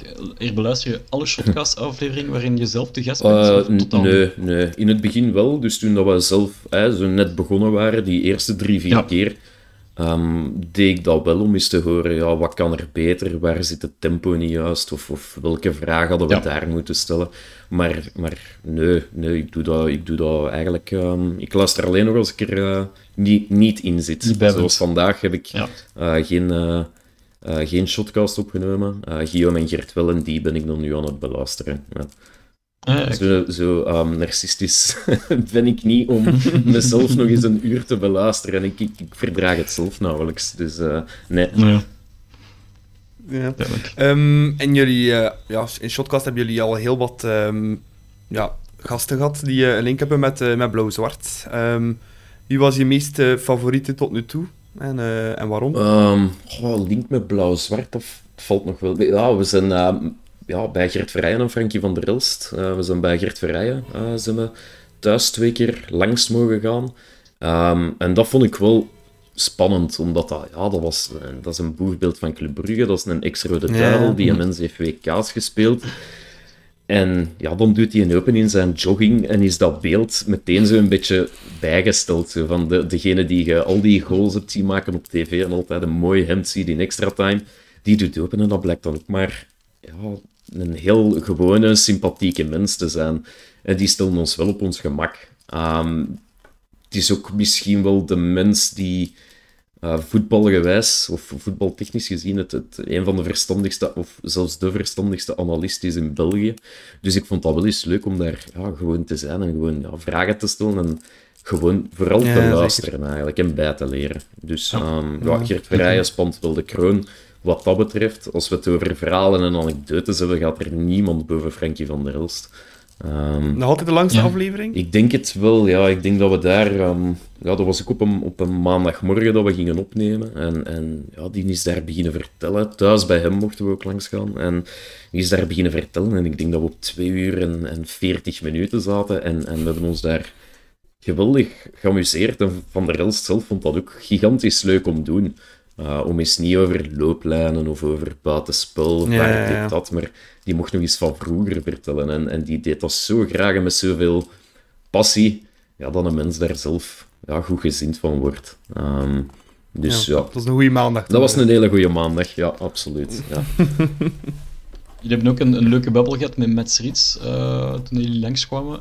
Moeten jullie dan al die vragen op voorhand echt doorgeven? Of krijgen jullie echt carte blanche om, om te doen wat jullie Ehm, doen? met nee, wij geven geen vragen op voorhand door. Ehm, tuurlijk, het is wel zo als wij hè, bij, bij een bepaalde club of bij een bepaalde speler langs gaan, dat ze ook wel een beetje weten wat ons concept is of wat onze insteek is. Wij gaan daar nooit, ehm, ik zeg maar iets, naar een, naar een loon vragen of naar RSZ-voordelen of Ja, naar ja. willen jullie de trainer nu echt buiten of niet. Wij zijn er een beetje om het, om het luchtiger te houden. En, en mijn motto is altijd beter een leuk caféverhaal dan de zoveelste buitenspelsituatie. En dat maakt wel dat Ja. clubs iets gen, allee, geneigder zijn om te zeggen, al wel, dat is misschien een keer leuk, kom maar af, Ja, eh, doe maar gerust. Ehm, dus ik denk dat dat een beetje onze, onze sterkte is, dat we het niet zozeer op het, ehm, op het veld, maar meer er rond gaan zoeken. Ja, zonder naam te noemen, maar zit daar een verschil op tussen de verschillende ploegen? Eh, ja. ja, bij de ene ploeg moeten, moeten, langer, ehm, moeten langer aandringen, moeten meer aanvragen indienen dan, dan bij andere ploegen. En dat is natuurlijk niet zelden bij de grotere clubs het geval. Hè. Ehm, omdat wij natuurlijk ook niet het, eh, de enige zijn die eh, een, een interview willen met, ik zeg nu maar, Simon Mignolet of Ruud Vormer. Terwijl dat bij een, bij een speler van Cercle Brugge is, die zijn minder bevraagd natuurlijk. Die, die hebben minder ehm, eh, verplichtingen naar de pers toe. Dus daar heb ik het gevoel dat dat iets gemakkelijker is. Ehm, dat is ook niet onlogisch natuurlijk, dat je als eh, grote ploeg je spelers een beetje meer afschermt en, en niet te veel doet opdraven. Want ik, ik weet ook niet of dat ze dat allemaal even graag doen natuurlijk. Ja, ik versta het. Ehm, een heel andere vraag, Lars. Hoe ben je eigenlijk journalist geworden? Of wanneer wist je, ik ga journalist worden of sportjournalist? Ehm, toen ik vijf jaar was of zo, denk ik. Dat is altijd, al, ja, dat is altijd wel zo'n een, een, een droom geweest. Ehm, je hebt mensen, of kinderen in dat geval, die zeggen ik wil later politieman of brandweerman of, of astronaut worden. Bij mij was dat altijd, ja, ik wil later bij de krant gaan werken. En Maar- dat is eigenlijk wel, ja, mijn, mijn studiekeuzes en mijn, mijn jobkeuzes zijn altijd, hebben altijd wel in dat teken gestaan om, om bij een krant ehm, ja, aan de slag te kunnen gaan. Ehm, dus ik weet eigenlijk niet wat ik ja, met de rest van mijn leven ga moeten doen nu dat ik dat bereikt heb. Eh, dus ja, misschien Ja. blijven En- zitten en altijd- tot eh, mijn pensioen. Ja. En altijd sport? Of, eh, Ah, altijd of sporten, ook dan ver- interesse? voornamelijk voetbal. Hè. Ik was zo iemand die ehm, op het einde van, de, eh, van, van het seizoen zo de cassettes van Stadion en Goal en wat is dat allemaal, zo de seizoenscompilaties, die ging ik dan Ja, altijd ja. gaan halen. En in, in de grote vakantie werden die dan afgespeeld en dan nog het liefst met, met een WK of een, of een EK zelfs. Oh. Ook al waren de Belgen daar eh, in onze kindertijd nooit bij eigenlijk. Ja, 2000 Nee. was het eerste. En ja, dat was nu ook geen grandieus succes. Maar eh, vooral het voetbal heeft mij altijd al geboeid. Misschien om een beetje te compenseren dat ik eigenlijk zelfs zo geen, eh, zelfs zo geen groot talent was met de bal. Ehm, Ja, Ja. ik herken eh, een beetje mezelf erin, Ja. als je vertelt. we zijn eigenlijk allemaal mislukte voetballers. Hè? Allee, ja, denk het ook. ik ben nooit verder uit dan één Ja. Brugge, helaas. is dat. Ja. Ehm, Lars, wat is de grootste fout die je ooit hebt gemaakt eigenlijk als, als jonge journalist? Als, Ehm, als beginnende. Goh, pff. de grootste fout was misschien ehm, toen ik nog een, een, een stukje op de site werkte, ehm, had ik ooit eens moest een verslag of een overzichtsstuk schrijven van een eh, speeldag in de Bundesliga. En Koen Kasteels had twee doelpunten tegengekregen en ehm, waarbij ik vond dat hij bij de tweede totaal niet vrijuit was gegaan. Dus daar, dat hij daar in de fout was gegaan. Ehm, dus ik had dat ook zo in dat stuk geschreven, van kijk, Koen Kasteels eh, ging in de fout eh, bij het tweede doelpunt en dat heeft zijn ploeg eh, ja, punten gekost. En een dag nadien ehm, heb ik een, een mail doorgestuurd gekregen van Bart Lagat, die had een mail gekregen van de manager van Koen Kasteels, die ja, in alle staten was. Ehm, en dat was een mail waarin ik echt wel... allee, even van moest slikken, omdat ik daar echt de grond werd ingeboord als uh, je kent er niks van. En ik vraag mij af wat dat jij doet op een, op een sportredactie Oei. als je hier niet Oei. ziet dat, dat Koen Kasteels uh, niet in de fout is gegaan. Um, dus ja, is dat een journalistieke fout? Dat weet ik niet, maar het... Allee, het heeft er mij wel toe aangezet om, om misschien iets voorzichtiger te zijn, want ik heb het nadien nog eens gelezen en het was wel nogal fors geschreven. Um, voor iemand die eigenlijk geen ervaring heeft op het, op het hoogste niveau of op het profniveau. Mm. Uh, dus mijn bewoordingen hadden zeker iets minder uh, fors gekund. Um, ik heb die manager ook aan de lijn gehad nadien. Um, en ik heb dat uitgelegd van kijk, ja, om die reden en om die reden heb ik dat zo geschreven. Um, en hij heeft ook zijn kant van het verhaal mogen uitleggen. En na een kwartier was dat eigenlijk uitgepraat. Maar als je nog maar ja, één of twee maanden bezig bent, zijn dat wel dingen die even binnenkomen. Nu, nu zou me dat veel minder storen. Um, ja. ja. Maar ja, dat leer je ook uit, denk ik. Ja, ja, op, ja nu, in, um, in, in Brugge Vragen uh, vroegen we of dat je liever 30 jaar geleden journalist was geweest. Je antwoordde daar ja. ja. Um, waarom precies? Dan heb ik het wel echt over, over schrijvend journalist, hè, dus niet over eindredacteur. Ja. Want dat, uh, maar als schrijvend uh, journalist denk ik dat, dat er 30 jaar geleden, we spreken dan 1990, dat het veel gemakkelijker was. Ja, ik ga het gemakkelijker noemen om aan één om aan nieuws te geraken, wat nog altijd de, de grootste of de belangrijkste opdracht is van, van een krant. Um, maar ook dichter bij de spelers te staan. Um, ja. Daarom geen vrienden mee te worden.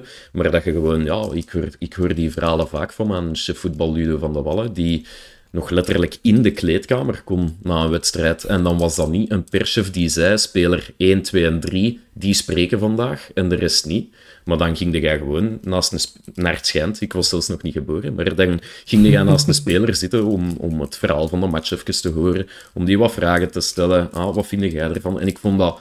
Of ik vind dat, denk ik, een, een veel gezonder klimaat dan um, wat vandaag het geval is. Dat alles heel erg geregeld en gestructureerd en gestroomlijnd is. Um, ik denk dat het makkelijker en leuker werken was en dat het dan uiteindelijk ook leuker is voor de mensen die thuis een krant hebben liggen. Um, om, om dat soort journalistiek, om de oude journalistiek uh, te lezen, dan, dan die van vandaag. Waarmee ik geen afbreuk doe aan mijn collega's natuurlijk, maar het, mm. de tijden zijn veranderd. Ja, dat is zeker een feit. Ja. Mm denk je dat er zeker dat clubs ja, een beetje schrik hebben van, van media tegenwoordig? Van wat er in of eruit komt? Eh, oh, dat, dat, ten opzichte van vroeger? Oh, dat weet ik eigenlijk niet zo goed. Ik denk dat die, dat die ja, beter verkomen dan genezen. Dat dat misschien een beetje het, het, het punt is. Clubs zijn ook veel meer bedrijven geworden dan, dan 30 jaar geleden. Dus elk uh, slecht interview of ondoordachte one-liner van een bepaalde speler um, is niet meer alleen voor die spelers aan rekening, maar berokkent heel de clubschade. En ik denk dat veel clubs dat een beetje um, willen beperken of een beetje mee willen sturen. Als in, ja, speler X gaat zeggen wat ons standpunt is. Of, of wij, wij komen naar buiten met, met deze dingen. ik denk dat de persoonlijkheid van, van bepaalde spelers uh, zoek is in de interviews. Ik denk dat, dat we mhm. nog maar een aantal voorbeelden hebben van, van mannen van waar ik denk, ah, oké, jij zegt uw eigen gedacht. Dan denk ik uh, aan Ruud Vormer bij Club Brugge. Denk ik uh, een Hendrik van Krombrugge bij Anderlecht, die ik ook altijd heel eerlijk en rechtuit vind uh, in zijn analyses. Um, en dat, dat soort spelers of interviews zou er, zou er nog meer mogen zijn. Er zijn heel veel spelers die gewoon even een briefing krijgen van een, van een perswoordvoerder, of zo stel ik mij dat toch voor, en die daar riedeltje dan komen ja, aframmelen. En dat is niet bepaald dankbaar voor, voor de journalisten. Ja, ja daar heeft niemand eigenlijk iets aan. Hè. Niet, niet, uh, niet de kranten, niet de mensen die het lezen. Nee, en wat, wat maakt dat je natuurlijk op, op dan een journalist van, van, van onze krant, het Nieuwsblad, dat die met dezelfde quotes moet werken als een, een journalist van het laatste nieuws. Dus wat, wat ga je krijgen? Je kunt geen quotes uitvinden, natuurlijk. Ja. Terwijl als je die speler wel even apart kunt spreken en, en, en die benadert vanuit een totaal andere invalshoek, ga jij een ander stuk krijgen dan, dan uw collega die andere vragen heeft gesteld, die er anders is mee omgegaan. En, en ja, dat vind ik een beetje jammer dat de grote ton clichés um, al maar groter wordt eigenlijk. Ja. Oké. Ehm, Lars, in Vlaanderen, uh, zoals je zelf natuurlijk weet, zijn er twee zeer grote uh, sportkranten, het Nieuwsblad en het Laatste Nieuws. Waar ligt volgens jou het, echt het grootste verschil tussen die twee kranten op sportvlak? Niet zozeer op basis van kwaliteit, maar puur op vlak van sportvlak? Um, ik denk dat dat is misschien een beetje gek om te zeggen in een voetbalpodcast, maar dat het nieuwsblad qua koers uh, nog altijd uh, een standaard heeft gezet destijds en die nog altijd aanhoudt, die ja, toch wel een aantal stappen boven die van het laatste nieuws staat. Um, wat ik zelf ook persoonlijk vind, is dat onze krant misschien iets um, analytischer te werk gaat dan, dan het laatste nieuws. Ik ja. heb bij het laatste nieuws um, heeft een andere stijl en dat gaat dan vooral over ja, schreeuwerig ga ik het niet noemen, maar misschien iets flashier. En dat zijpelt ook wel door in de stukken. Sensationeler. Sensationeler, zelfs niet, nee. Want ik, ik ben ervan overtuigd dat ze bij, bij het laatste nieuws evenzeer in hun journalistiek werk goed doen, zoals, zoals mijn collega's dat ook doen. Dus ik ga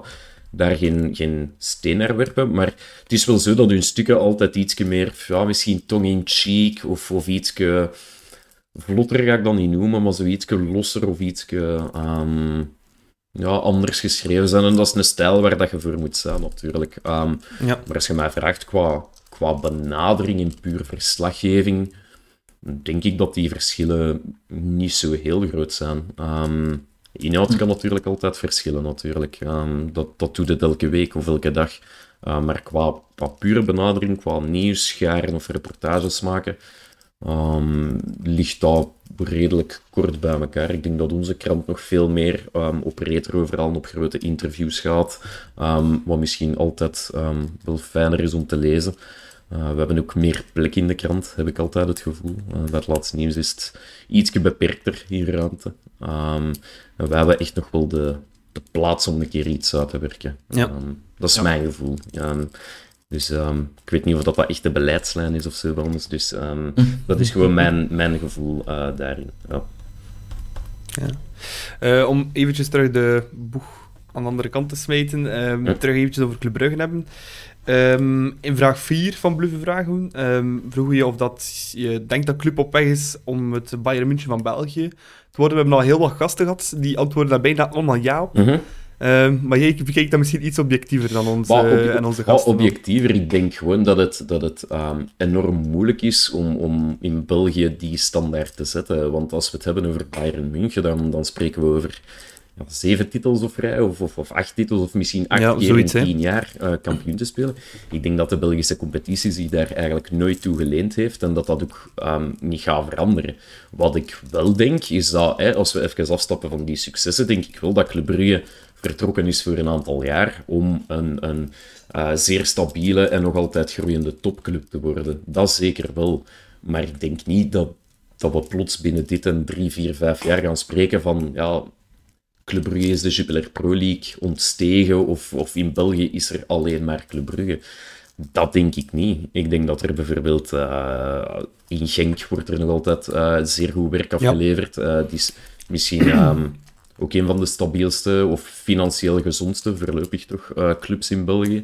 We hebben ook nog altijd Anderlecht. Anderlecht blijft Anderlecht en die Maleise gaat daar ook geen vijf jaar meer duren. Ik geloof heel erg dat Anderlecht uh, op middellange termijn wel zijn voet snel weer naar uh, Club Brugge kan zetten. Ik denk dat iedereen daar eigenlijk, of de neutrale voetballiefhebber daar wel bij kan varen. Maar ik denk niet dat Club Brugge um, vertrokken is voor, voor, voor 20, 30 jaar en dat geen enkele ja. club ze nog uh, gaat kunnen bijbenen. Andere clubs hebben wel heel veel werk, want het is wel zo dat er reuze stappen zijn gezet. Alleen dat nieuwe stadion zou nog in orde moeten komen. Um, en ik denk dat dat, um, zolang dat dan niet gebeurd is, gaan we nog niet van Bayern van België spreken, vrees ik. Laten we hopen dat het dan snel komt. Ja, ja is dat. Ja. uh, nee, en ook over um, Philippe Clement in de bluffe vragen. Mm -hmm. ja, die vind je wel een beetje incontournabel hè, bij club, want die staat bij jou helemaal niet ter discussie, doordat dat bij veel supporters ja. toch, toch wel het geval is. Dat is zeker zo, denk ik. Maar dan vraag ik mij af, ja, waar, waarom zou die niet incontournabel zijn? Ik, uh, hij heeft uh, de titel gepakt uh, met Club Brugge, of enfin, twee keer zelfs. Um, hij heeft uh, Club Brugge in Europa laten zien. Hij heeft individuele spelers pakken beter gemaakt. En ik denk, als je dat uh, even bekijkt, ja, waarom zou de man ter discussie moeten staan? Hij heeft ook veel jeugd laten doorstromen. Dat is niet alleen zijn verdienst natuurlijk, maar hij staat er wel voor open. Hij doet het toch maar mooi. Um, hij heeft geen schrik om in Champions League-wedstrijden jongelingen voor de leeuwen te werpen. Um, heeft uh, geen schrik om zich tactisch een beetje aan te passen als de nood uh, of als de situatie zich daartoe leent. Dus ik denk als we het hebben over er zijn supporters die er een beetje moeite mee hebben, dan denk ik dat dat eerder is ja, een beetje uitgekeken op het nieuwe. Ehm, dan echt met de persoon Clement. Hij is daar intussen ook wel al een tijdje. En misschien speelt dat wel een rol. Maar ik zie eigenlijk geen reden waarom Philippe Clement ook nog maar ter discussie zou moeten staan op, basis van objectieve criteria. Ja, Matthias, misschien moet jij daar een keer uh, tegenwoord tegen zetten. Want je bent niet per se een, een grote Clement. Je moet me zeker niet als een anti-Clement afbeelden. Maar um, ja, ik, ik, misschien ben ik een perfectionist of, of te kritisch ingesteld. Um, maar soms heb ik wel het gevoel dat hij, dat hij, zoals we daarnet zeiden tijdens de debriefing van Standaard, en dat is een beetje bis repetita verhaal van heel veel wedstrijden, dat hij een match niet kan doen kentelen. En natuurlijk, hè, Lars, je hebt heel veel positieve punten opgestomd, hè, zoals mm -hmm. de, de jeugddoorstroming en de goede wisselwerking tussen Club Next en, en, en Philippe Clement. Daar staat hij ook voor. Mm -hmm. um, maar soms heb ik het gevoel, want je zei net, hij heeft ook wel speers pakken beter gemaakt. Ik kan misschien het, het tegenvoorbeeld nemen van, van een Dennis, van een Okereke, um, die toch wel allemaal hun kwaliteiten hebben. En ik mis nog een, een heel veel goede spelers. Uh, zoals Luan Perez onder Leco, dat was ook een raadsel waarom dat hij nooit gepresteerd heeft, want nu is hij los titularis bij, bij Marseille. Mm -hmm. Maar ja, bij, bij Clement heb ik wel het gevoel, als hij een spelersgraag heeft, en ik denk dan aan Edward Sobol, dat is uh, denk ik ook een van de spelers die, die als eerste op het wedstrijdblad komt, um, dat hij dan van de rest niet moet hebben. En dan denk ik aan Federica, die ook heel veel kwaliteiten heeft, maar als hij van zichzelf voelt van oké, okay, Federica, dat is een speler die ik niet nodig heb, dan laat hij die niet enkel aan de kant, maar hij kijkt er zelfs niet naar. Dus men zegt vaak, hè, Philippe Clement, een, een top people manager. Dat is hij zeker. Maar ik denk niet dat hij... Ik denk dat hij soms wel uh, het, de big picture kan bekijken. En, en ook Reke is voor mij het schoolvoorbeeld. Dat hij, dat hij week 1 in de tribune laat zetten, dan plots op de bank, dan plots titularis als de speler het zelf het niet meer verwacht. Dus, um, mm -hmm. dus voilà, ik, stel, ik stel Clement vaak in vraag om hij nu echt buiten te willen, dat nu ook niet. Maar, um, maar ik vind wel dat er, ja, dat er bepaalde interne problemen opgelost moeten worden. Uh, ik denk ook, hè, Nicola en ik zelf zijn echt diehard clubfans, dus wij zien het uh, week in, week uit en, en elke dag. Dus um, ja, ik stel, ik stel die toch vaker ter discussie.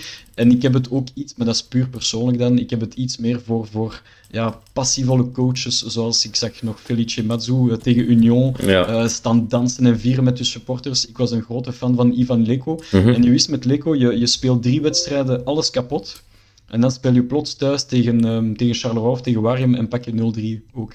Mm -hmm. Dus oké, okay, dat was het risico, maar ik heb het meer voor die, voor die passievolle coaches. Ja. Dat is puur persoonlijk. Ja, dat begrijp ik, maar moet dan bijvoorbeeld ook zeggen, ja, een Okereke had die eigenlijk ooit de kwaliteit om bij club een sterkhouder te worden. Is die destijds niet gehaald voor een bedrag dat een molensteen rond zijn nek is gebleken? Ik denk, ja, 8 miljoen voor een speler uit de Serie B, dat is veel geld. De verwachtingen worden dan gecreëerd en dan ja, als coach, Clement heeft die 8 miljoen niet gaan leggen natuurlijk. Vraag me ook af, bij Okereke, ja, in het begin van het seizoen heeft dat een beetje gedraaid. Hè, tegen, uh, ik denk de eerste wedstrijd tegen, tegen Sint-Truiden. We nog met Dennis, uh, Percy uh, ja. op, de, ja. op de voorlinie hadden bij Club Brugge. Um, ja, ik kan Okereke voetballen, zeker wel. Maar mij heeft hij eigenlijk nooit kunnen overtuigen bij Club Brugge. En laat mij zo zeggen, hij heeft mij nooit kunnen overtuigen van het feit dat Clement misschien ongelijk had. Want we kunnen toch ook niet zeggen dat Okereke geen kansen heeft gekregen. Integendeel. Mm. En de ene ja, speler nee, gaat waar. er misschien anders mee om dan de andere. Maar ja, ik, denk ik denk dan bijvoorbeeld aan een Bas Dost, die plots um, sinds augustus ja. niet meer gezien hebben, die wel keihard blijft werken. Waarmee ik niet zeg dat Okereke dat niet doet. Maar het, het, hier in het kopje um, ja. moeten daar ook wel een beetje mee kunnen omgaan. Ik denk dat Okereke wel een speler is die veel moet spelen om uh, mm-hmm. er een beetje in te komen. Maar bij Club Brugge heb je die tijd of heb je die ruimte niet. En dan, ik, ja, dan draai ik het om en dan zeg ik van ja, kijk, een Bas Dost die maakt die klik wel, die kan uh, zich wel opladen, heeft misschien ook wel die intrinsieke kwaliteit om bij Club Brugge ervaring, ook, ervaring wel die, die meerwaarde te zijn. Um, en dan wat ja. het laatste punt betreft, daar kan ik wel in volgen als je inderdaad een diehard van zet. Dat je misschien liever een, een, een Michel Perdom of een Ivan Leko of een Felice Mazzu hebt, hè, die, die misschien iets meer... Um, persoonlijkheid, om het zo te zeggen. Ah, je ja, heeft een beetje dat vuur. Een beetje meer charisma. Dat snap ik, charisma, ja. inderdaad. Um, maar om daar nu ja, over te struikelen, dat, dat ga ik nu ook niet doen, natuurlijk. Um, al snap ik wel het punt dat, dat, dat zo'n trainer Ja. misschien ook wel meehelpt om, om de hele achterban in het, in het verhaal te betrekken. Dat, dat begrijp ik ook, wel. het, het, het speelt zich soms een beetje af, vind ik, eh, naar de spelers toe en naar de tribunes. Want je, je zei net, ik was, ik was bijvoorbeeld niet eh, op Club Standaard, Mhm. Ehm, maar ik hoorde wel links en rechts dat het een beetje apathisch was qua sfeer. En dat het ehm, ja, niet Mm, meer ja. het... het ik ga ook nu naar Jan Breidel sinds twee, drie jaar met een gevoel van... eh, We gaan waarschijnlijk zakelijk winnen, al dan niet. Maar je hebt niet meer het gevoel van ik word... Er hangt elektriciteit in de lucht, zoals vroeger. Mhm. En, en, dat mis maar- ik, en dat heeft misschien te maken met gewenning, zeker en vast, met supporters Dat die denk ik van, oké, zijn. Ja. de allergrootste van België en het komt wel los. En Mhm. op het einde van de rit gaan we wel kampioen spelen. Mhm. Maar als trouwe fan koop je ook een abonnement en ga je naar de wedstrijd om iets te beleven. Mhm. En, eh, en, en achteraf gezien, en dat is al een paar weken, en eigenlijk zoals ik zei, sinds Kiev en Standaard de bekeruitschakeling, heb ik heel weinig beleefd aan Club Brugge de laatste maanden. En dan komt het neer op Clement, en dat is zo'n beetje de gemakkelijke ehm, Mhm. eh, ja, persoon op wie dat we het kunnen afketsen. Maar dan denk ik ook misschien aan de, geluk, de mislukte Mercato van Van Manhart. Ja. Ja, nee, ik kan er Ja, maar ik denk ook, Matthias, als je dan over, over sfeer praat in het stadion. Allee, ik, heb, ik ga nu al een jaar of 17, elk jaar, bijna elke thuismatch naar de match gaan kijken. Ehm, Ik denk het beste jaar qua sfeer was het jaar dat we kampioen werden onder Prudhomme. Maar dat was ook puur door die opbouw daarna. Dat was elf jaar geen kampioen, dat was enorm veel frustratie ook. En ja, dat moment gebeurt dan, je speelt dan kampioen. En dan krijg je, trek je ook een soort van ander publiek aan, denk ik ook. Dan heb je ook meer die successo's die Ja. ja, echt naar dat stadion gaan met de verwachting, ja, we moeten nu 3-4-0 winnen. En als het niet zo is, ja, dan, eh, dan is het fluitconcert. Mhm. Ik denk dat dat ook een beetje dat daartoe bijdraagt en dat dat niet Mhm. per se Ja. aan de Misschien zijn de coaches Club ligt. Ik denk de laatste keer... eh, veel verwend de afgelopen jaren. En ik denk dat Ja, dat daar wel, ook wel is speelt. Ja. Is En, en de, de volgende keer dat dan eigenlijk wel goed was van sfeer, de, de allerbeste keer sinds dit kampioenenmatch, vond ik dan thuis tegen PSG. Dat was Ja. fenomenaal, maar dat was ook weer omdat het een opbouw was naar iets dat we nog niet hebben meegemaakt, of Ja. al heel lang niet meer hebben meegemaakt. Ja. Dus ik denk dat dat er ook wel een beetje toe, bijdraagt dat, eh, dat de sfeer nu ook niet super was. Eh, Tegen standaard nu ook. Allee, ja, die roesjes die maken altijd uh, super veel lawaai in het uitvak. Die, die stoppen niet, die mogen nog 10-0 achter staan. eh. Die staan dan op die trommel te slaan. Ehm, maar bij Club was het, ja, het, was, het was rustig totdat ja, Lothar Dont een paar eh, ja, rare beslissingen nam. En dan, dan zat het spel op de wagen, maar daarvoor was dat ja, vrij, vrij kalm eigenlijk. Ehm, qua, qua sfeer en qua beleving. Maar ik denk dat dat Ja. ook gewoon een kwestie is van opbouwen naar iets wat dat je nog niet of nog niet veel hebt meegemaakt. Dus, eh, ehm, ik denk dat dat, ja, die gewenning bij de clubsupporters er ook wel wat, eh, wat in wrijft. Dus ja. Absoluut. Yes. En ehm, Lars, denk je dat er opnieuw een speler van club de gouden schoen gaat pakken dit jaar? Of denk je eerder richting het Genk-kamp? Oh, ah, dat vind ik eigenlijk een heel moeilijke, omdat ik... ehm, ja, het zijn heel weinig spelers die ja, een topfavoriet kunnen niet nemen. Hè. We hebben de ketelaren die, een, allee, die enorme stappen heeft gezet, maar ja, heel, er zit nog een beetje te veel schommelingen in zijn prestaties. Ja. Bij Noah Ja. Lang heb ik ook het, het- te vaak het alles of niks gevoel.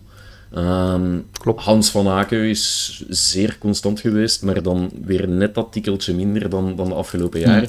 Dus ik denk dat, dat, dat, we, pff, dat we een aantal kandidaten zullen hebben en dat we inderdaad dan eh, Paul Onuwachu en een Junya Ito eh, van de Racing Ja. dat we die ehm, toch ook eh, zeker niet mogen afschrijven voor die prijs. Dus ik denk dat het Ja. misschien minder dan andere jaren een, een zekerheidje wordt, want ik denk dat dat ook bijdraagt misschien tot de allee, apathie, ga ik het nu niet noemen, van de Brugse fans, maar zo van, ach ja, Ja. gouden schoen, die pakken we dan ook nog mee, want eh, uiteraard Van Aken of uiteraard eh Ruud Vormer of eh José Izquierdo. Ik denk dat het dit jaar een pak minder eh, voor de hand liggend zal zijn, Ehm, omdat er net zoveel kandidaten zijn eigenlijk.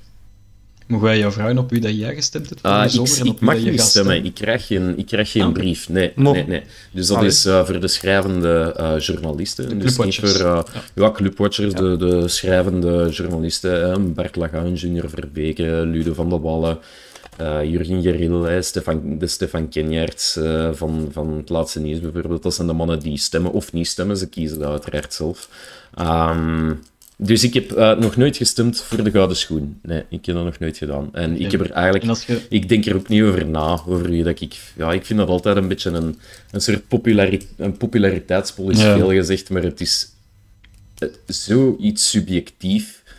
Ehm, Mhm. Dat zie je bijvoorbeeld wel heel goed. Wat wij elk jaar wel doen met de krant is, zo stemde onze voetbalredactie. En dan krijg je van iedere journalist Ja, ja, ja. de top 3. En daar staan namen in waar dat ik maar 100% in kan vinden. En soms staan er namen in waarvan dat ik denk, wat?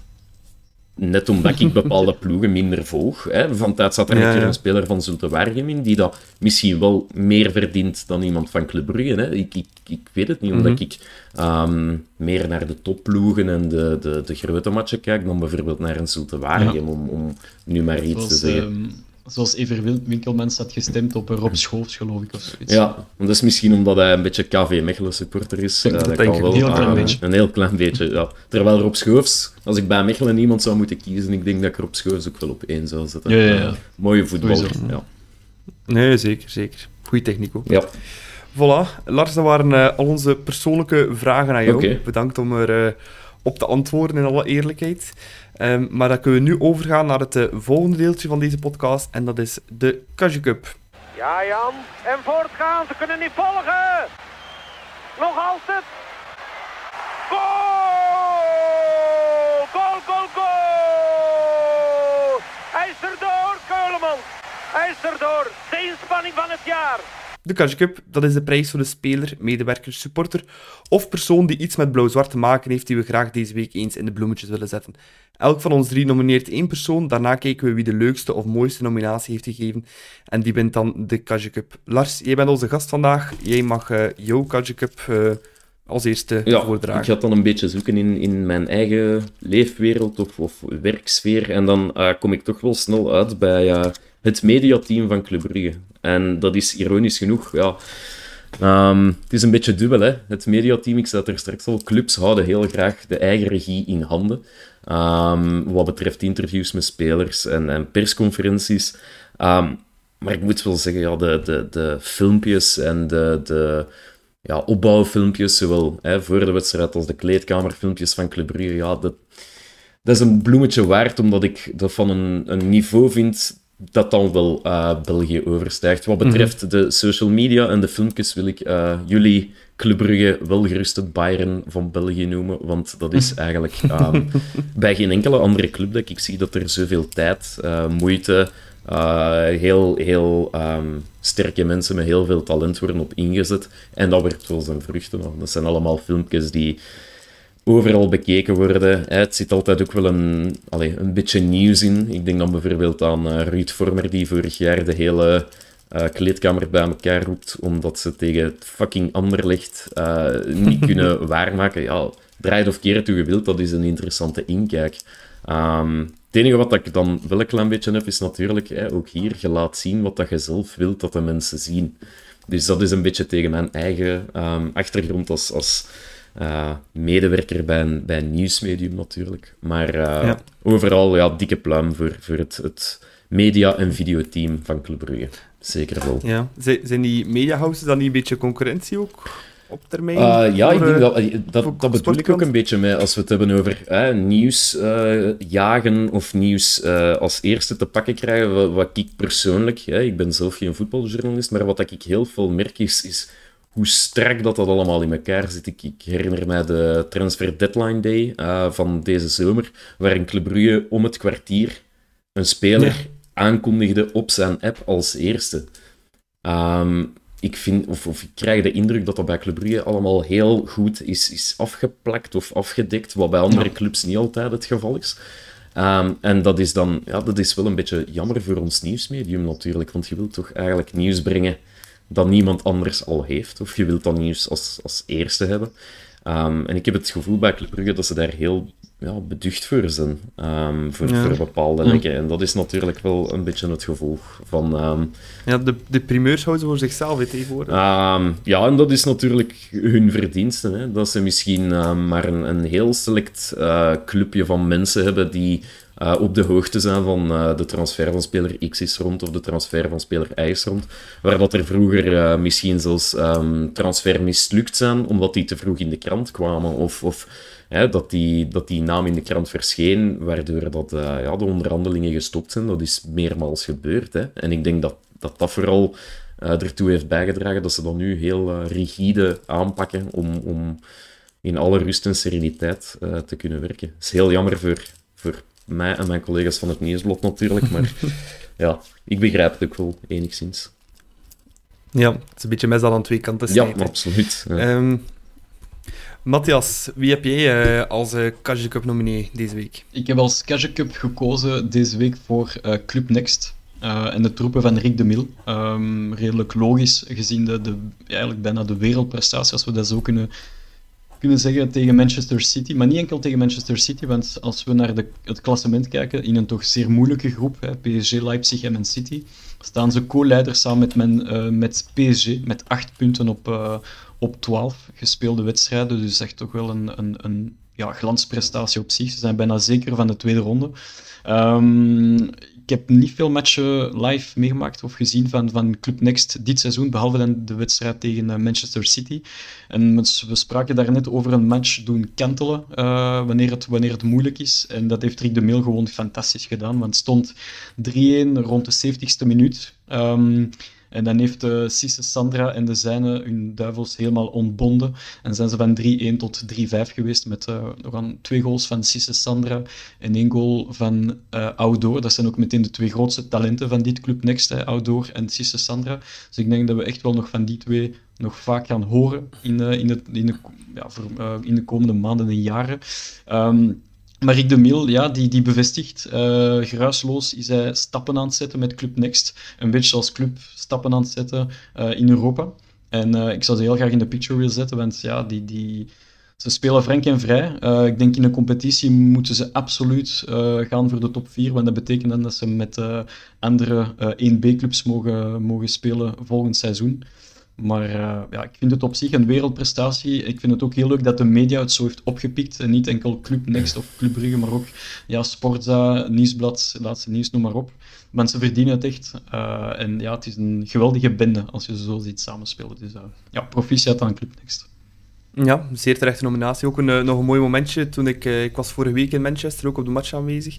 Um, het was daar een grote verzameling op, het, op, een, op een plein in feite, waar het er redelijk wat pubs waren en alle supporters uh, verzamelden. En op een bepaald moment passeerde Club Next de hele ploeg. En uh, ze hebben dan uh, de supporters een grote You'll Never Walk Alone gedaan voor, voor die spelers. En ook een We Are Bridges met Sisse Sandra die dat dan op zich nam. Dat was al een, een leuk moment ook voor die mhm. jonge jongens. En zeer terecht ook, waar de prestatie 3-5 op City gaan winnen.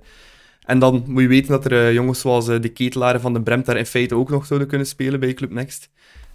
die zitten gewoon al bij de A-ploeg. Dus denk op dat vlak dat club toch wel wat stappen heeft gemaakt eh, de afgelopen jaren. Ja, het wordt misschien ook wel eens uh, tijd, want ik heb altijd het gevoel gehad dat de jeugdopleiding van Club Brugge toch een beetje achterop hinkte, omdat Klopt, Club Brugge heel lang een, een, club is geweest die heel weinig met eigen jeugdproducten heeft gespeeld. Ik denk dan voor de, de, de komst van, van uh, Charles de Ketelaar, dat ja, Björn Engels en Brendan Mechelen misschien de enige twee waren die in al die jaren erin mhm. geslaagd zijn om een vaste stek uh, bij, bij Club Brugge te veroveren. We hebben uh, Brecht Capon gehad, er is uh, Gert-Jan de Mets geweest, er, is, allee, er zijn altijd wel talenten uit die clubopleiding gekomen, maar altijd net niet genoeg om daar eens ja, meerwaarde op te, of, of op een, ja. ja. meerwaarde op te, op te creëren. Ik denk dat dat wel een stap is die ze, die ze nu hebben gezet en dat ze daar uh, ook wel op, op, op korte termijn al, in het geval van de ketelaar, de, ja. de vruchten van gaan plukken.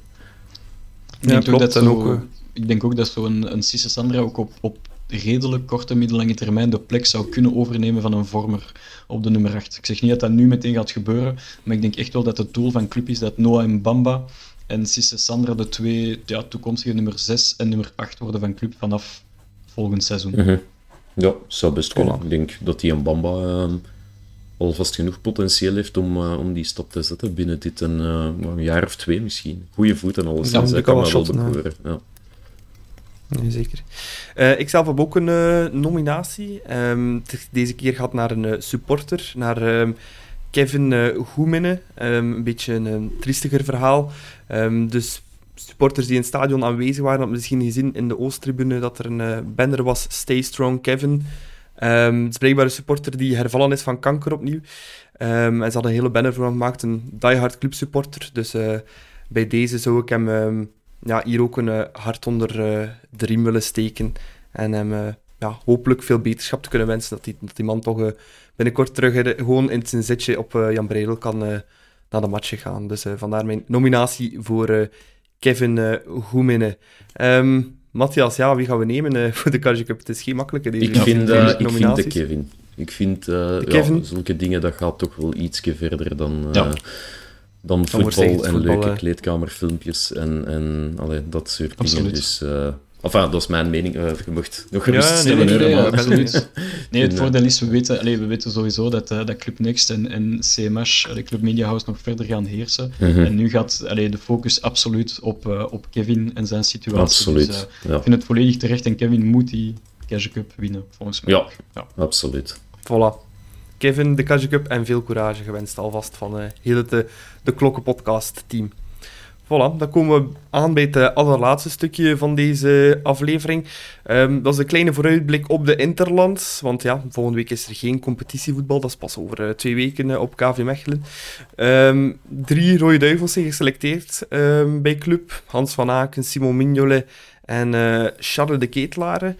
Uh, Lars, er zijn toch heel wat ja, geblesseerden bij de A-ploeg dan van de Rode Duivels. Um, denk je dat de, de Brugse Duivels ja, veel speelminuten gaan krijgen? Goh, ik denk dat het uh, wel eens het moment is om Charles de Ketelaren nu ja, definitief te lanceren. Of toch eens op zijn minst een een uitgebreidere kans te geven dan de, dan de iets wat kortere invalbeurten die hij al heeft uh, gekregen. Ik denk dat Hans van Aken uh, zeker ook aan minuten zal komen. Die heeft de afgelopen interlandperiode al bewezen um, mee te kunnen. Hè? De, niet om te zeggen dat hij daar mm -hmm. de, de, de allerbeste is natuurlijk, maar toch uh, vele mensen aangenaam heeft verrast.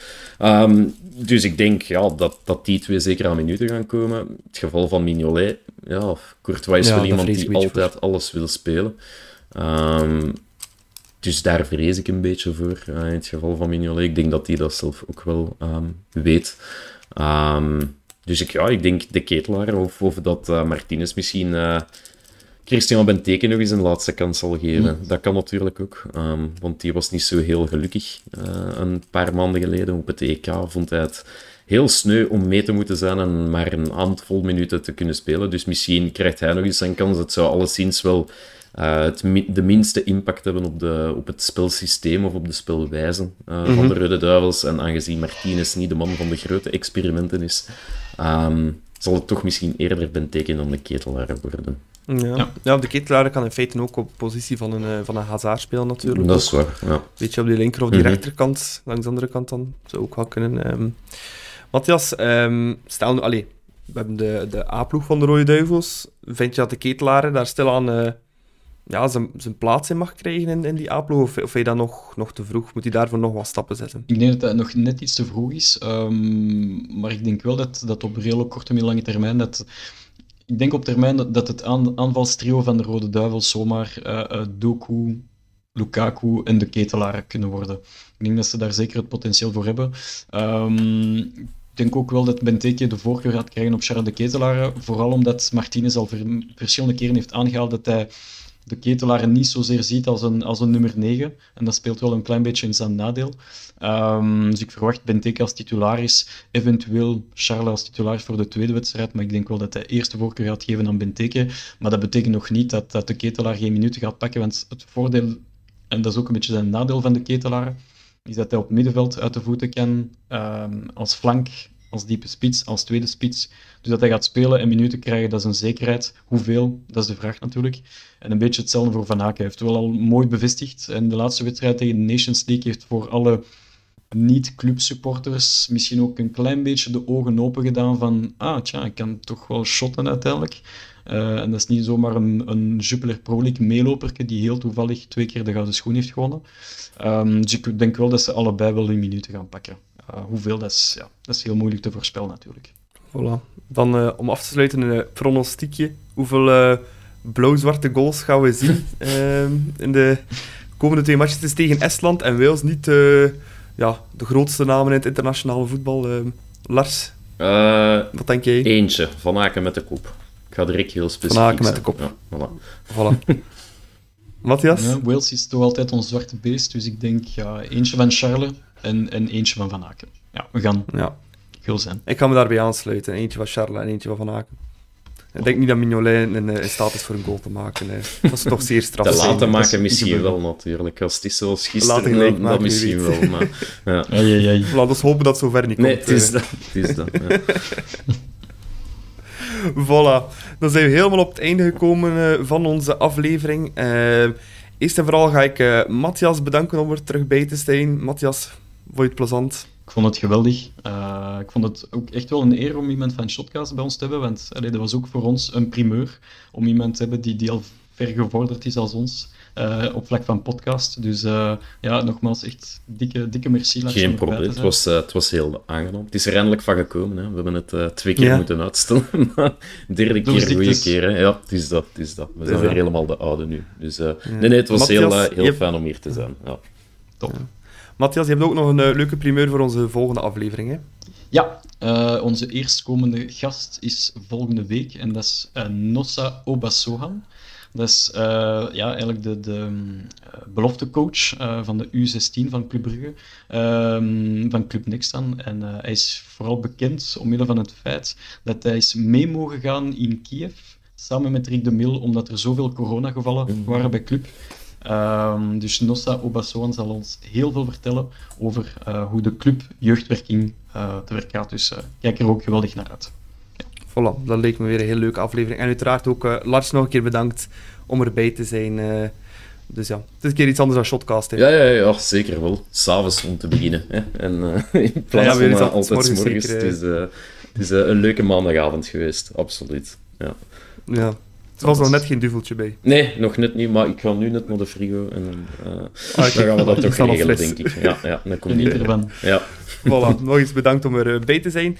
Ehm, je kan ons eh, nog altijd volgen op eh, Instagram met De Klokkenpodcast in één woord. En op dezelfde manier kan je ons ook vinden op Twitter met at De Klokkenpodcast. Ook met hashtag De Klokken kan je al onze berichten terugvinden. Mailtjes kan je nog altijd sturen naar deklokkenpodcast.gmail.com. En als je vragen hebt of andere zaken die met ons wilt delen, uh, kan je ons ook altijd een uh, direct message, sturen op uh, Twitter of Instagram. Bedankt voor het luisteren en tot volgende week, tot de volgende aflevering van De Klokken. Tweede paal is tot goal, het is 3-4. Ryan Top komt er erin. Voorbrengen, de goal van Philippe Clement. Goeie bal, Borkelmans, controle, schot, Vital Borkelmans, goal voor Club Brugge.